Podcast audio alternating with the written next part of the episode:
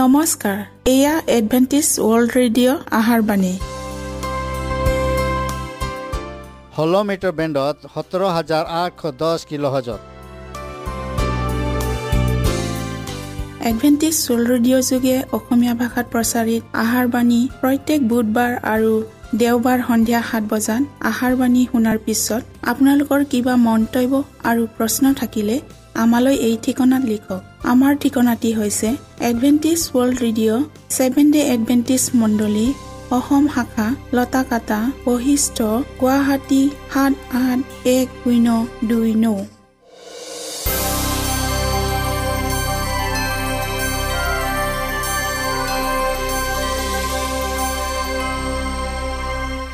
প্ৰিয় শ্ৰোতা বন্ধুসকল এতিয়া শুনো আহক এটি খ্ৰীষ্টীয় ধৰ্মীয় গীত।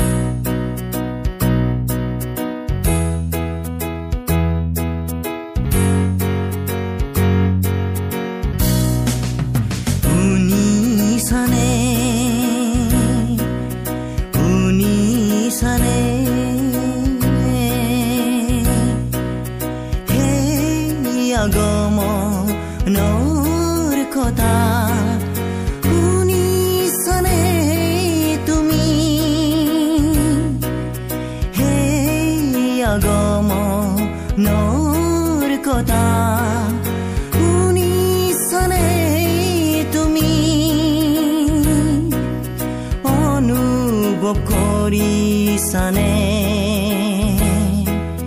কিবোৰ গতি আছে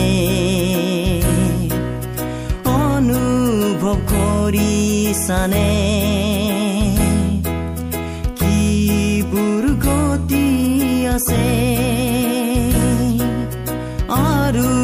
কিমান দিন থাকিবা শুয়ে পৃথিৱী আৰু কিমান দিন থাকিবা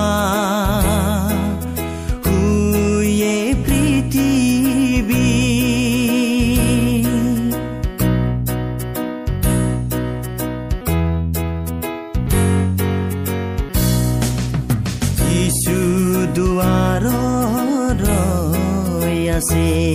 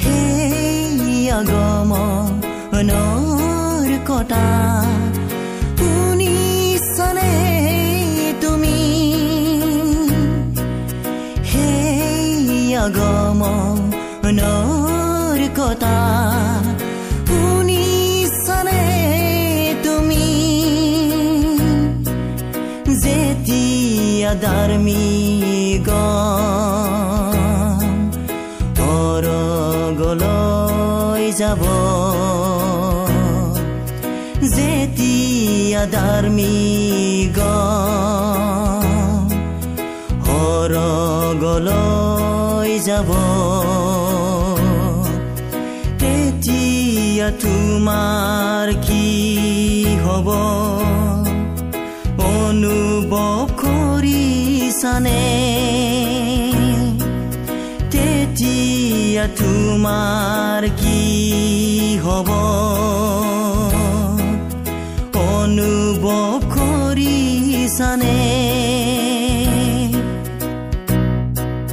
যিচু দুৱাৰত ৰৈ আছে হয় তেওঁ ৰৈ আছে যিচু দুৱাৰত ৰৈ আছে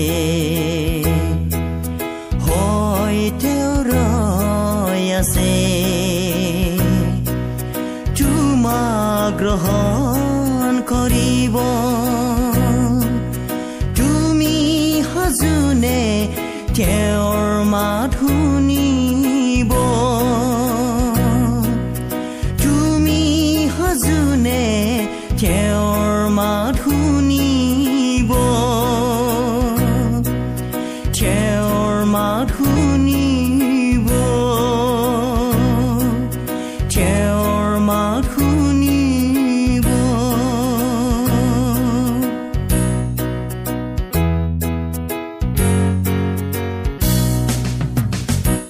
প্ৰিয় শ্ৰোতা বন্ধুসকল আহক আমি খন্তেক সময় বাইবেল অধ্যয়ন কৰোঁ হওক।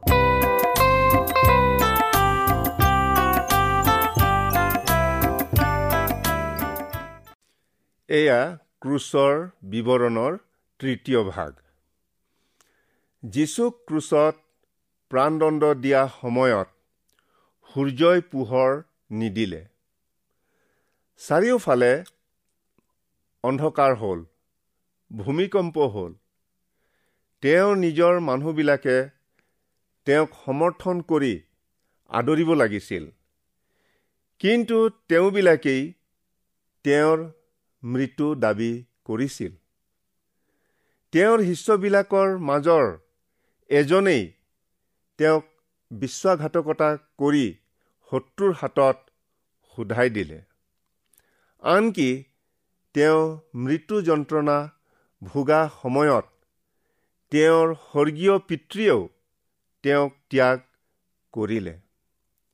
কিন্তু এই অন্ধকাৰৰ দিনত যেতিয়া তেওঁৰ দ্বাৰাই জগতত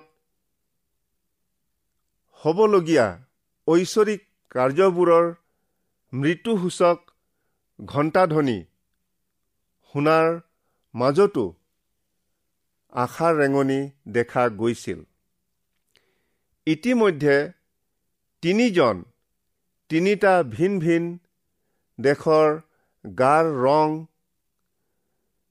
কলা সংস্কৃতি ভাষা ভাষীৰ ব্যক্তিয়ে সেই একেজনাৰ প্ৰতি বিশ্বাস প্ৰকাশ কৰিছিল।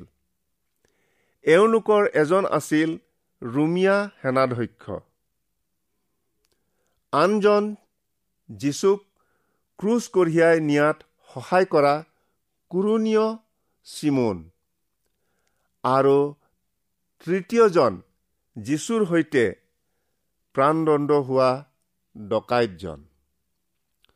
ফলস্বৰূপে এই তিনিওজন বিশ্বাসীয়ে বিশ্বৰ সমস্ত মানৱ জাতিৰ সমষ্টিক প্ৰতিনিধিত্ব কৰে। তিনি মহাদেশৰ পৰা অহা ব্যক্তিসকলৰ সেনাধ্যক্ষজন ইউৰোপ মহাদেশৰ অৰ্থাৎ ইটালী দেশীয় লোক। কুৰুণীয় চিমুন আফ্ৰিকা মহাদেশৰ বৰ্তমানৰ লিবিয়া আৰু ইছৰাইলৰ ডকাইতজন অৰ্থাৎ এছিয়া মহাদেশৰ ঈশ্বৰৰ দৃষ্টিত গোষ্ঠীগত মৌলিকতাৰ কোনো মূল্য নাই। যিহেতু ঈশ্বৰে জগতৰ সকলো জাতিকে প্ৰেম কৰে তেওঁ আমাৰ আদি পিতৃ মাতৃ আদম হাৱাৰ যোগেদি বিশ্বৰ আটাই মানৱ জাতিক এটা পৰিয়ালস্বৰূপ কৰি সৃষ্টি কৰিলে। আমি এক পৰিয়ালৰ আদি গোট ইয়াক নোহৰ বংশৰ দ্বাৰাই চিহ্নিত কৰিছে। জলপ্লাৱনৰ সময়ত পৃথিৱীৰ সকলো প্ৰাণীকে ধ্বংস কৰি কেৱল নোহৰ পৰিয়ালৰ আঠজন লোকক ৰক্ষা কৰিলে। জলপ্লাৱনৰ বহু বছৰৰ পিছত নোহৰ পুতেকবিলাকৰ বংশধৰসকলে পৰিয়ালৰ সংখ্যা বৃদ্ধি পোৱাত মেচুপটমিয়াৰ সমথলত একগোট হৈ বাস কৰিব ধৰিলে।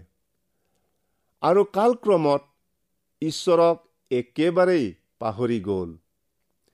তেওঁবিলাকে বাবিলত আকাশলংঘা দুৰ্গ সাজিবলৈ বিৰাট আঁচনি এটা কৰিছিল। কিন্তু সেই আঁচনিক ভাষাভেদৰ দ্বাৰাই ব্যৰ্থ কৰিলে। পৰিণামস্বৰূপে পৃথিৱীৰ পৰিয়ালসমূহ সিঁচৰিত হৈ গ'ল। বাবিলত যি বিভাজন ঘটিছিল সেয়া জিৰচালেমৰ গলগথা পাহাৰৰ ওপৰত ক্ৰুচৰ অলৌকিক কাৰ্যৰ দ্বাৰাই আটাইকে দৃঢ় বন্ধনত একত্ৰিত কৰিলে। যীশুৰ মৃত্যু আৰু পুনৰ উত্থানে জাতকুলৰ বন্ধন ছিঙি বিশ্বৰ আটাই জাতিকে এক কৰিলে। এয়েই খ্ৰীষ্টীয় সমাজৰ বৈশিষ্ট্য। যীচুক ক্ৰুচবিদ্ধ কৰা সময়ত তাত উপস্থিত থকা তিনিজন ব্যক্তিয়ে বিভিন্ন শোকাবহ ঘটনাত বিভিন্ন কাৰ্য প্ৰদৰ্শিত কৰিছিল। এওঁলোকে আজিৰ যুগৰ ঈশ্বৰ বিশ্বাসী লোকবিলাকৰ কাৰণে এটা অপৰিহাৰ্য গুৰুত্বপূৰ্ণ আদৰ্শ ৰাখি গ'ল। সেনাধ্যক্ষজনে ক্ৰুচক অৱমাননা কৰিছিল। কুৰণীয়জনে যীশুৰ ক্ৰুচ কঢ়িয়াইছিল। ডকাইতজনক ক্ৰুচবিদ্ধ কৰা হৈছিল। ৰুমিয়া সেনাধ্যক্ষজন যীশুৰ মৃত্যুদণ্ড দিয়া সময়ত তাত উপস্থিত আছিল। তেওঁ পৰজাতি হোৱা হেতুকে মানুহৰ কল্পনাৰে সজা অসংখ্য দেৱ দেৱীৰ উপাসক হোৱাত ইছৰাইল ৰাজ্যৰ বাহিৰ আছিল। বৌদ্ধভূমিত কোনো অপ্ৰীতিকৰ ঘটনা যাতে আবৃত নহয় তাৰ বাবে তদাৰক কৰিবলৈ তেওঁক মৰকল কৰিছিল। তেওঁ আদিৰে পৰা শেষলৈকে এই অসাধাৰণ কয়েদীজনৰ শান্তশিষ্ট আৰু আত্মসংযম স্বভাৱ আদি লক্ষ্য কৰি আহিছিল। আনকি যীশুৰ তাৰণাকাৰীবিলাকৰ নিমিত্তে এই বুলি প্ৰাৰ্থনা কৰাও শুনিছিল। হে পিতৃ এওঁবিলাকক ক্ষমা কৰা। কিয়নো এওঁবিলাকে কি কৰিছে তাক নাজানে। হঠাৎ আন্ধাৰ হোৱা ভূমিকম্প হোৱা ইত্যাদি প্ৰাকৃতিক ঘটনাবোৰ স্বচক্ষে দেখিবলৈ পাইছিল। সেয়ে তেওঁ যীশুৰ মৃত্যুত সাক্ষ্য প্ৰদান কৰি কৈছিল এওঁ স্বৰূপেই ঈশ্বৰৰ পুত্ৰ। কুৰুণীয় চিমুন এজন তীৰ্থযাত্ৰী আছিল। তেওঁ নিষ্ঠাৰ পৰ্ব পালন কৰিবলৈ তেওঁৰ তীৰ্থযাত্ৰী ৰূপে জিৰচালেমলৈ আহিছিল। হঠাৎ সেইদিনা অপ্ৰত্যাশিত ঘটনাটো ঘটিল। ৰুমিয়া চিপাহীবিলাকে জানিছিল যীশুৰ ক্ৰুচ কঢ়িয়াই সহায় কৰিবলৈ কোনো যিহুদী মানুহ আগবাঢ়ি নাহে। সেয়ে চিপাহীবিলাকে আফ্ৰিকা দেশীয় মানুহজনক যীশুৰ ক্ৰুচ কঢ়িয়াই সহায় কৰাত নিয়োগ কৰিলে। কুৰুণীয় চিমুনেও কোনো ওজৰ আপত্তি নকৰাকৈ যীশুৰ ক্ৰুচ কঢ়িয়াই সহায় কৰিলে। যীশুৱে তেওঁৰ পৰিচৰ্যা কৰা কালত কৈছিল কোনোৱে যদি মোৰ পাছত আহিবলৈ ইচ্ছা কৰে তেন্তে নিজকে দমন কৰক আৰু নিজৰ ক্ৰুচ তুলি লৈ মোৰ পাছে পাছে আহক।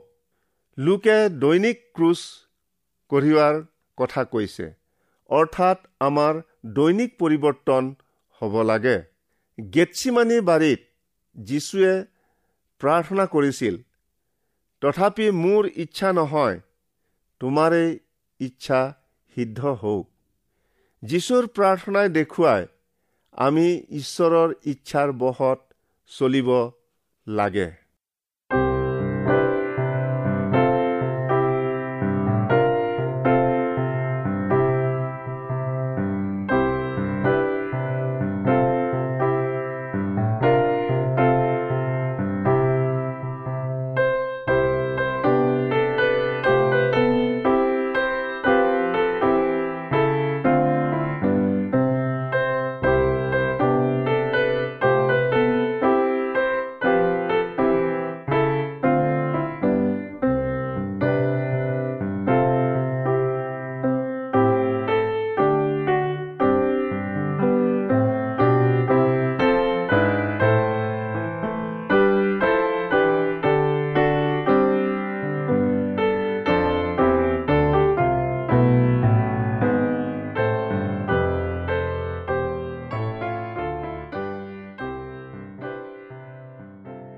ডকাইতজন প্ৰথমতে ৰোমিঅ বিচাৰকবিলাকক গালি পাৰিছিল। তাৰ পিছত লগৰজনৰ সৈতে যীচুক ঠাট্টা নিন্দা কৰিব ধৰিলে। হঠাৎ মন পৰিৱৰ্তন হৈ অনুতাপ কৰি যীশুৰ হাতত নিজকে আত্মসমৰ্পণ কৰিলে। ডকাইতজনে মাজৰ ক্ৰুচত ওলমি থকা জনা স্বৰূপেই জগতৰ পাপ নিওতা ঈশ্বৰৰ মেৰ পোৱালি বুলি বিশ্বাস কৰিলে। আমি পৰম দেশত প্ৰৱেশ কৰাৰ পূৰ্বেই ক'ব পাৰিমনে? মই খ্ৰীষ্টীয় সৈতে ক্ৰুচত হত হলো। মই যিছো বুলিলেও সেয়ে আৰু মই নহয়। খ্ৰীষ্টহে মোত জিছে ডকাইতজনে ক্ৰুচ কঢ়িয়াই যীশুৰ সৈতে মৃত্যু হ'ল। সাধু পৌলে এই নিৰ্ঘাত সত্যৰ নিগুৰ তত্ত্ব জানিছিল। সেয়ে ঈশ্বৰ বিশ্বাসীৰ জীৱনত অতিকৈ প্ৰযোজ্য বুলি কৈছিল। আৰু যিবিলাক খ্ৰীষ্ট যীশুৰ তেওঁবিলাকে মোহ আৰু অভিলাষে সৈতে মাংসক ক্ৰুচত দিলে। আমি যেন আৰু পাপৰ দাহ নহওঁ। এইকাৰণে পাপৰ দেহ বিনষ্ট হ'বলৈ আমাৰ পুৰণি পুৰুষক তেওঁৱে সৈতে ক্ৰুচত দিয়া হ'ল। এতিয়াৰ পৰা ক্ৰুচৰ বাহিৰে আন কোনো কথাত অহংকাৰ নকৰো হওক।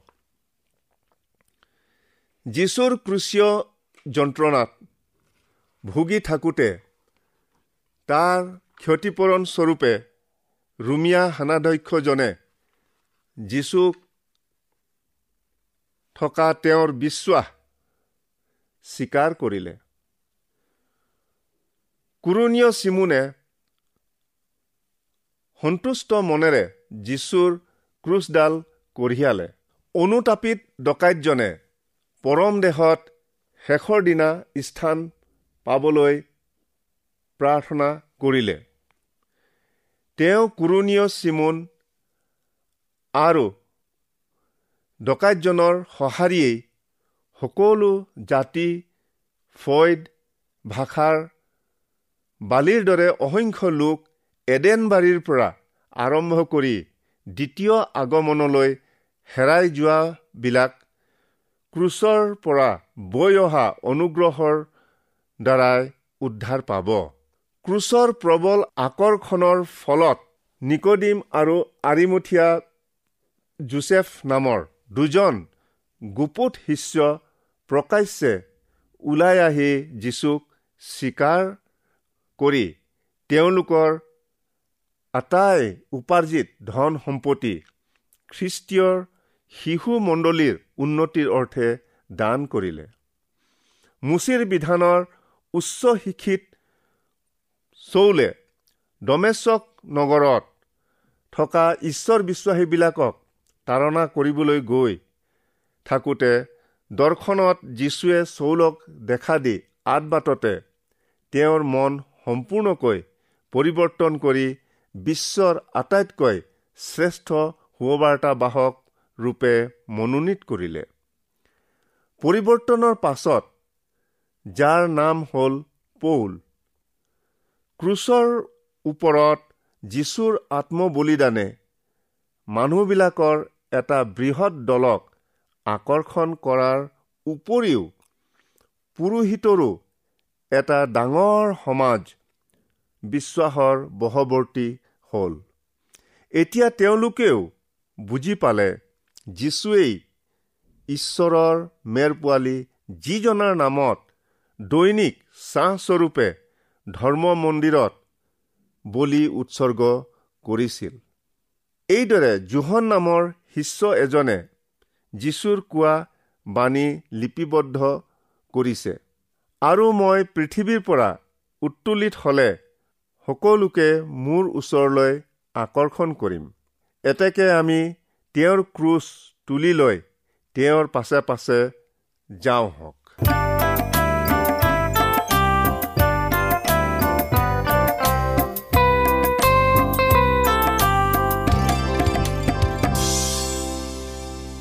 ইমানপৰে আমি বাইবেল অধ্যয়ন কৰিলোঁ। এতিয়া আকৌ শুনো আহক এটি খ্ৰীষ্টীয় ধৰ্মীয় গীত।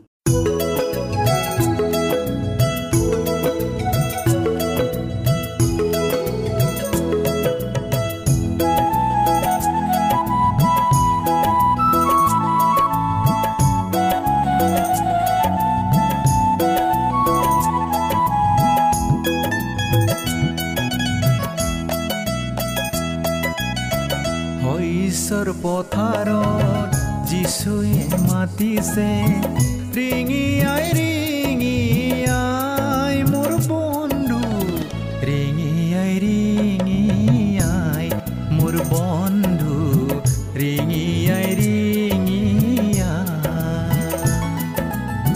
যিচুৱে মাতিছে নিজৰ কাষলৈ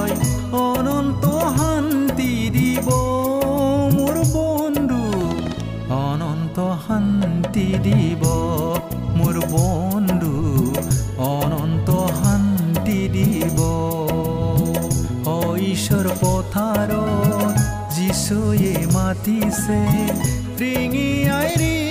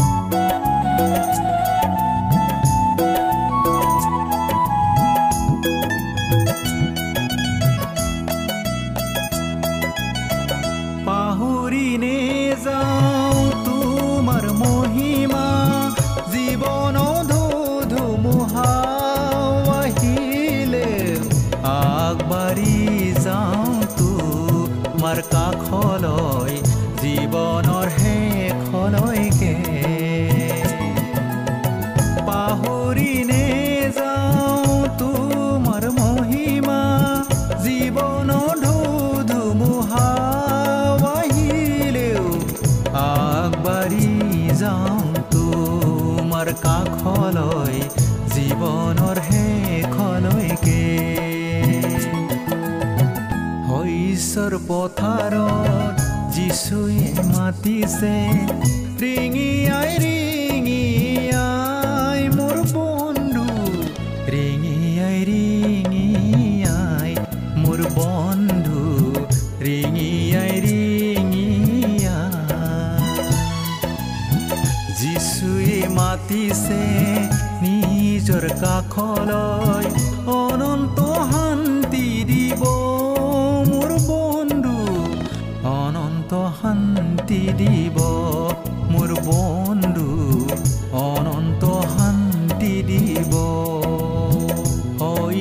পথাৰত যিচু ঈশ্বয়ে মাতিছে ৰিঙি আই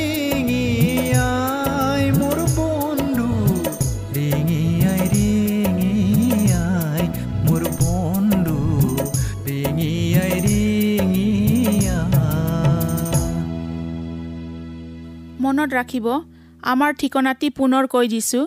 Adventist world radio' Assam region of seven day Adventist voice of hope Latakata Basistha Guwahati seven eight one zero' two nine প্ৰিয় শ্ৰোতা বন্ধুসকল এডভেণ্টিজ ৱৰ্ল্ড ৰেডিঅ' যোগে আহাৰবাণী প্ৰচাৰত আপোনালোকক পুনৰ লগ পোৱাৰ আহাৰে আজিলৈ সামৰিলোঁ। ধন্যবাদ।